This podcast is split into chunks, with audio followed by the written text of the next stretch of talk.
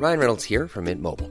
With the price of just about everything going up during inflation, we thought we'd bring our prices down. So to help us, we brought in a reverse auctioneer, which is apparently a thing. Mint Mobile unlimited premium wireless. Ready to get 30, 30, bit to get 30, bit to get 20, 20, 20, bit to get 20, 20, bit to get 15, 15, 15, 15 just 15 bucks a month. So, Give it a try at mintmobile.com slash switch. $45 upfront for three months plus taxes and fees. Promo for new customers for limited time. Unlimited more than 40 gigabytes per month. Slows. Full terms at mintmobile.com.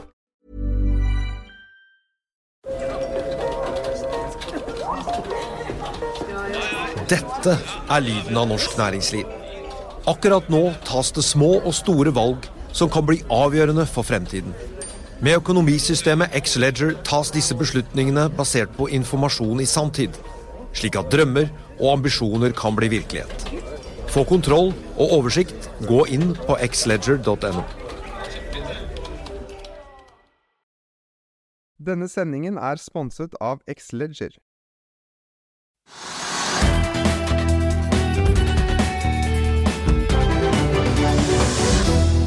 Velkommen til Økonominyhetene her hos oss i Finansavisen. Jeg er Marius Mørk Larsen, og vi skal snakke, snakke med både leder for Telenor Infrastruktur, Jannicke Hilland, og Jan Ludvig Andreassen i Eika. Men først. Oslo Børs dundret ned før den store rentedagen ble sparket i gang i dag. Rundt klokken 12.40 fallet, eh, hadde fallet dempet seg noe, og hovedindeksen er ned 1,4 til 1210,46 poeng. Eh, Norges Bank hevet torsdag styringsrenten med 50 basispunkter til 3,75% og rentetoppen heves til 4,21% i løpet av høsten. Dette er 61 basispunkter, i praksis tre kvartinger høyere enn den tidligere toppen.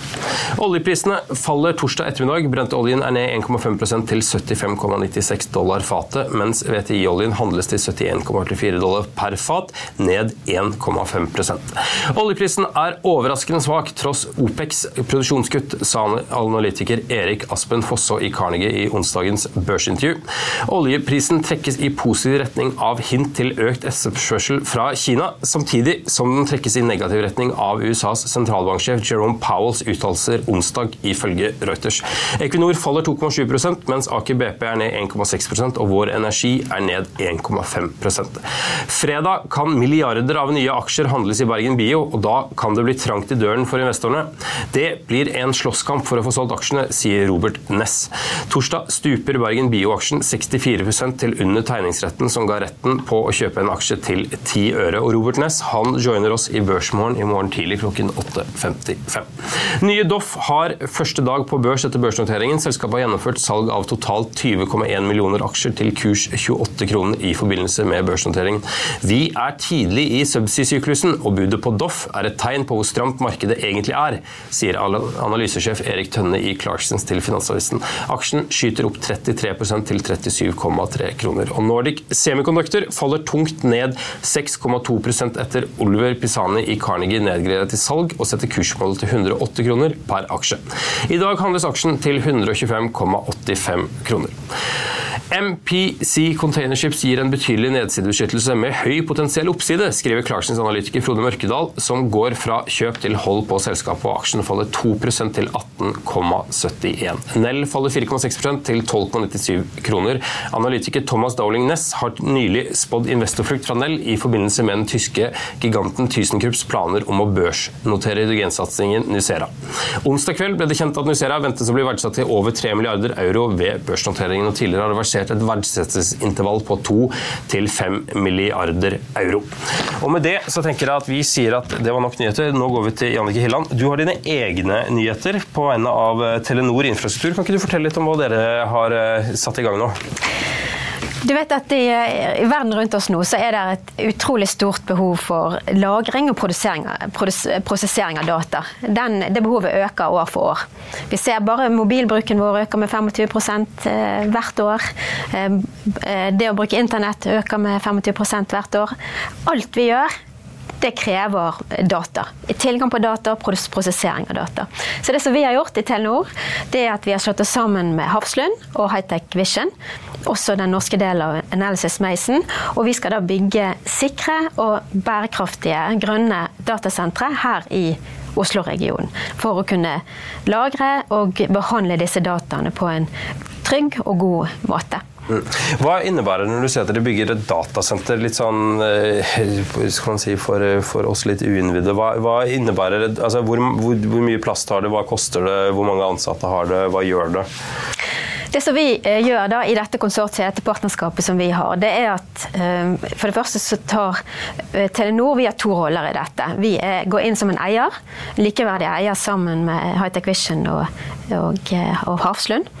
Men vi blir også den første kunden. Sånn at når du spør hva er et datasenter, datasenter er et sted hvor man på en eh, sikker og grønn måte kan lagre data som man har. Så som sagt, Telenor vi blir den, største, den første kunden inn i dette, og vi ser da etter, etter flere kunder. Så datasenter er rett og slett et stort bygg med de kravene som myndighetene til enhver tid har i forhold til sikker og god oppbevaring av data. Og vi kan tilby dette senteret til mange kunder, både offentlige kunder og, og private kunder. Så spør du hva det koster.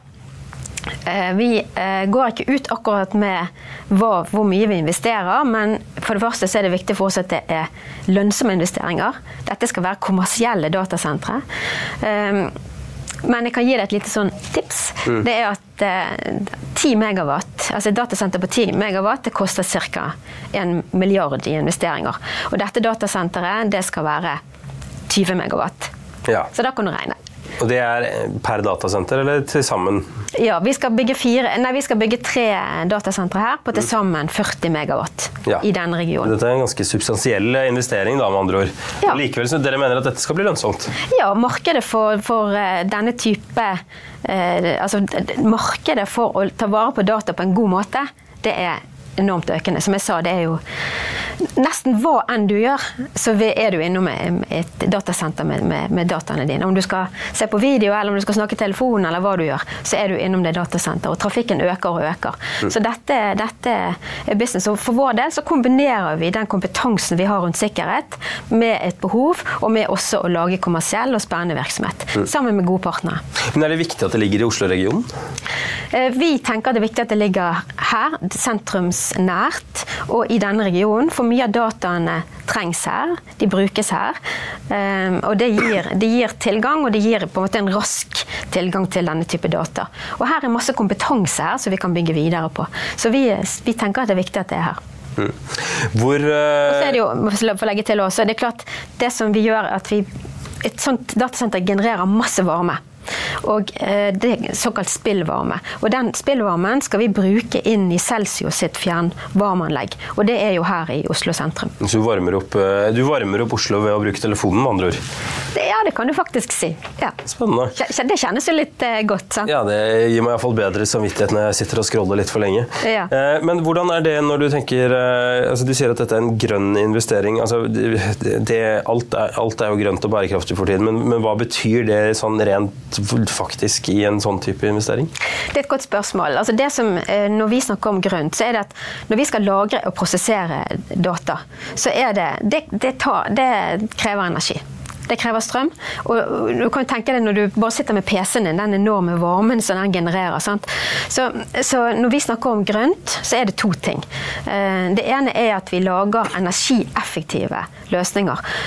Den type datasentre, altså bedrifter har datasenteret sitt i kjelleren eller rundt omkring, det er ganske lite energieffektivt. Så NVE har eh, beregnet at ved å samle disse, den behovet for lagring og prosessering av data på denne type datasentre, så kan vi spare 87% energi.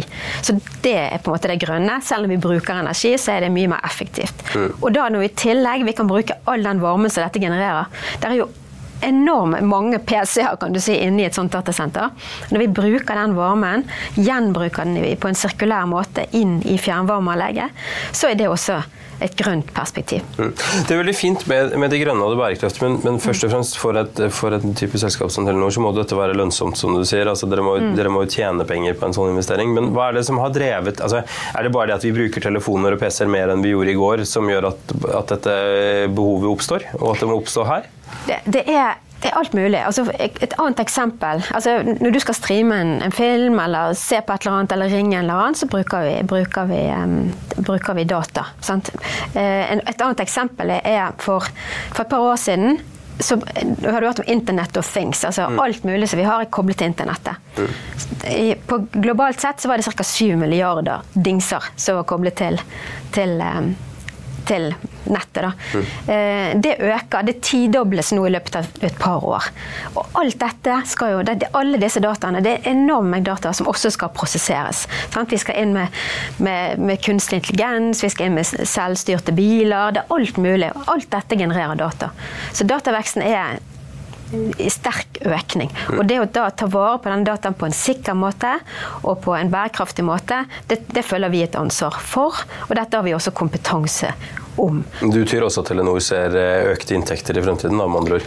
Ja, og det gjør hele partnerskapet. Det er klart at både Hafslund og Hightech Vision og, og Analysis Masons går jo inn i dette fordi at vi ønsker å ta et samfunnsansvar, men ikke minst selvfølgelig å skape forretning. Skape lønnsom forretning.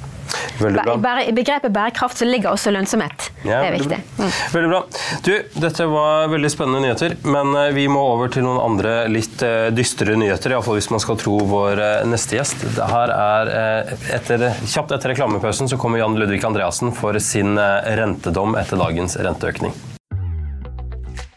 Vil du bli oppdatert på det viktigste som har skjedd innen finans og næringsliv? Da er det bare å følge med, for hver morgen er jeg, Marius Lorentzen og aksjekommentator Karl Johan på plass i studio for å ta tempen på dagens marked i Børsmorgen. Og hver ettermiddag oppsummerer vi alt du trenger å vite i økonominyhetene, og det blir selvfølgelig masse interessante gjester. Klikk deg inn på fa.no-tv, eller søk opp Børsmorgen og Økonominyhetene der du hører på podkast.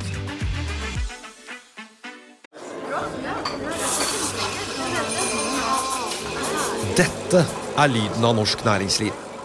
Akkurat nå tas det små og store valg som kan bli avgjørende for fremtiden. Med økonomisystemet X-Leger tas disse beslutningene basert på informasjon i sanntid, slik at drømmer og ambisjoner kan bli virkelighet. Få kontroll og oversikt, gå inn på xledger.no. Denne episoden er sponset av van Brun, en fremtredende smykkeforhandler kjent for sitt brede utvalg av forlovelsesringer, gifteringer og diamantsmykker som bæres og elskes i generasjoner. Et frieri er en av de største øyeblikkene i livet, hvor forlovelsesringen er et tidløst symbol på kjærligheten. Valg av ring krever omtanke for både hvilket metall og diamant, med et bredt spekter av både naturlige og labdyrkede diamanter, og metaller som platina, gult gull, hvitt gull og roségull, hjelper de deg med å sette et personlig preg på din kjærlighetshistorie. Van Brun vil gjerne invitere deg til å prøve på tre av dine favorittringer fra nettsiden helt kostnadsfritt. Du kan også låne et bredt spekter av frieriringer, slik at du og din forlovede kan velge en ring sammen etter det store ja. Van Brun tilbyr 90 dagers åpent kjøp og 90 dagers gratis størrelsesjustering. Utforsk deres eksklusive sortiment i luksuriøse omgivelser. Bok en konsultasjon sammen med en diamantekspert i deres showroom i Oslo. Eller online på vanbrun.com. V-a-n-b-r-u-u-n.com.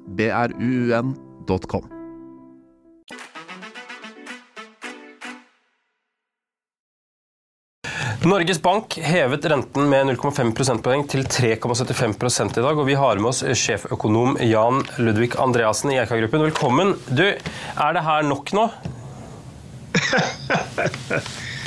ja, altså Det er jo et vitnesbyrd på en egentlig litt skakkjørt økonomi. da. Uh, og uh, man må jo spørre seg litt over tid her hvor dette bærer. Uh, jeg ynder jo å bruke min foredrag med Wayne Gretzky-sitat. Han ble spurt om eh, hvorfor han var så god eh, i ishockey. Og da sa han at jeg skøyter aldri dit pucken er, men hvor den kommer til å havne. Og i ett og alt så har norske myndigheter lagt seg på å eh, skøyte dit pucken en gang var, på 70-tallet. Så Den gangen drev vi med økonomisk planlegging av den type vi nå legger opp til i næringspolitikken. Med statlig innsats og statlig ansatte og enorme økonomiske tap. Det holder vi på med. Nuge husholdningene. At pengene deres tas til disse ufornuftige tiltakene.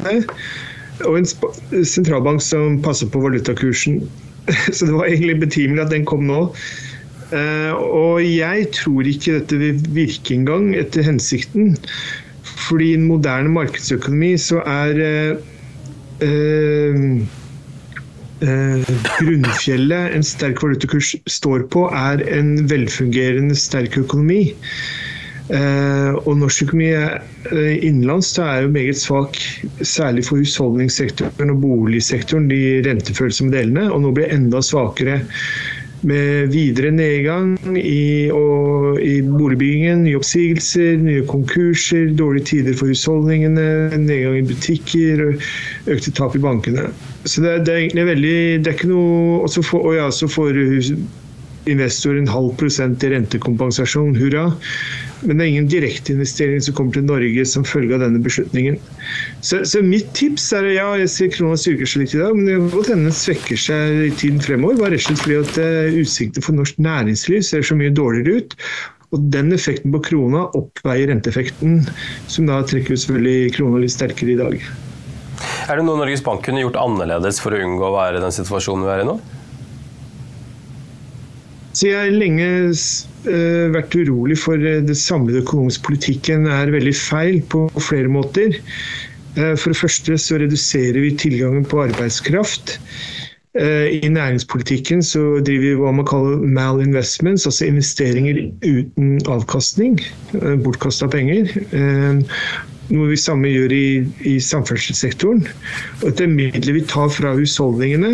Hadde husholdningene brukt dem, så ville butikker kjøpesentre bedrifter gått mye bedre. Og da ville du fått penger inn fra utlandet. Du har for øvrig sluppet å beskattes uh, sveitserne våre så hardt også.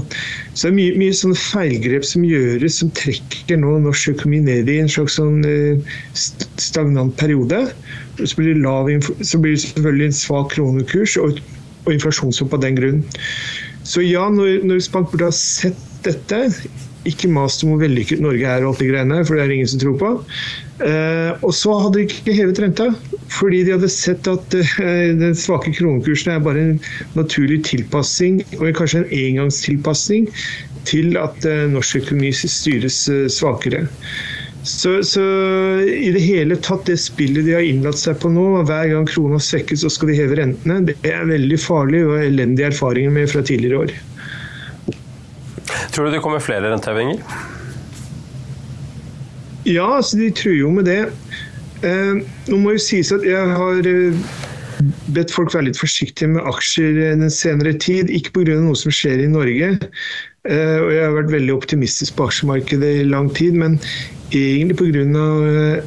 Eh, grunnfjell i verdensøkonomien, nemlig Kina, går mye dårligere enn man trodde. og i hvert fall mye dårligere enn jeg trodde ved inngangen til året. Så ved inngangen til året var jeg veldig optimistisk på emerging markets, men Kina virkelig skuffa stort. Og det ser ikke ut som de klarer å ta effektive grep for å hindre nedkjølingen av kinesisk økonomi. Eh, det er sterk deflasjon i Kina nå. Og det vil da prege Japan, og Taiwan og Hongkong, altså nabolandene som er da i sum verdens industrielle arnested. Og det gjøres deflatoriske krefter inn i europeisk og amerikansk økonomi mot høsten og vinteren. Så, så, det er virkelig grunn til å følge med på Kina vel så mye som i Norge nå. Eh, og, og dessverre så er det litt eh, stormskyer nå for eh, alle typer risikofylte plasseringer. Eh, kineserne får liksom ikke bukt med nedgangstidene sine. Verdens nest største økonomi. Det er ikke så mye vekst andre steder. Eh, og sentralbankene er villige til å trå feil på å heve for mye. Det gjør de med åpne øyne. Vi vet ikke hvor renta skal være, men vi heller hever for mye enn for lite. Eh, og det er en ganske ond sånn der suppe da, som vi får i fanget nå utover høsten. Så jeg tror de kommer kanskje i august, hvis ikke de angrer seg. Eh, eh, men så blir tidene antagelig såpass dårlig utover høsten at eh, de stopper på 4 mm. Det er jo egentlig et inflasjonsmål på 2% Hvordan tror du norsk økonomi ser ut når vi en gang i fremtiden er tilbake på 2% inflasjon igjen? Så jeg er ikke sikker på om vi kommer dit, jeg er ikke sikker på om vi skal dit, eller om vi burde være der. Vi hadde 2,5, og man kan oppsummere det hele denne affæren. Også en del av problemet var at vi lot oss rive med og senket inflasjonsmålet eh, i 2018. Vi hadde vellykket 2,5% fra 0, 2000 til 2018. Eh, men andre økonomer går så langt som å si at man burde heller ha et inflasjonsmål på 3-4. Kanskje ikke endre det formelt, men sånn i praksis. Eh, og det er noe sånn, Jeg har foreslått tidligere for Norges Bank at ok, hvis det blir det er krig gjennom en, en eh, covid-katastrofe. Hvis kostnaden for det er at vi tre-fire år på 2020-tallet har 3-4% inflasjon, så er ikke det en sånn stor greie i det lange løp. Eh, så ta det med ro, vær mer langsiktig. Og Det er kanskje der jeg er mest overraska over den nye sentralbanksjefen. Den, vi, gjennom de første 20 år da, med inflasjonsmål, så ble vi gradvis mer langsiktige. Gradvis mer sånn å se stort på ting og ta mer holistisk syn på arbeidsmarked, kreditt, bolig, alt sammen i ett.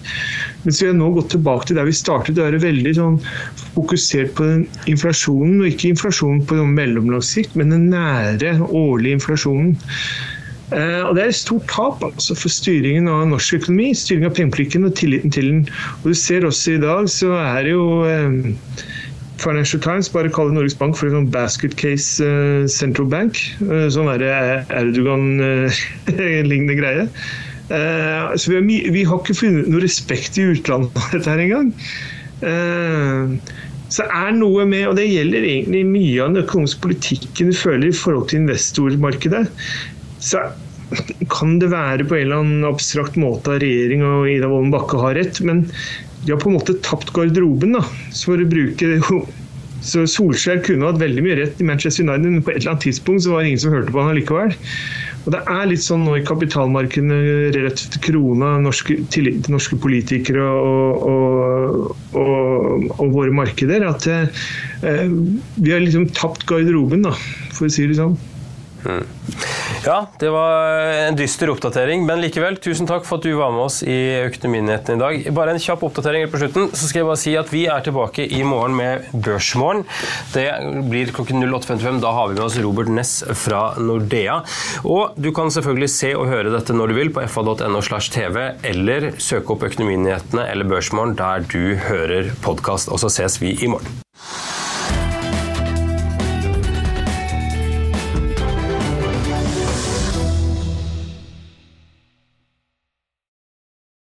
Denne sendingen er sponset av Xleger. Økonominyhetene er en podkast og videoproduksjon fra Finansavisen. Programleder er Marius Lorentzen. Aksjekommentator er Karl Johan Molnes. Produsent er Bashar Johar. Podkast- og videoansvarlig er Marius Mørk Larsen. Og ansvarlig redaktør er Trygve Hegnar.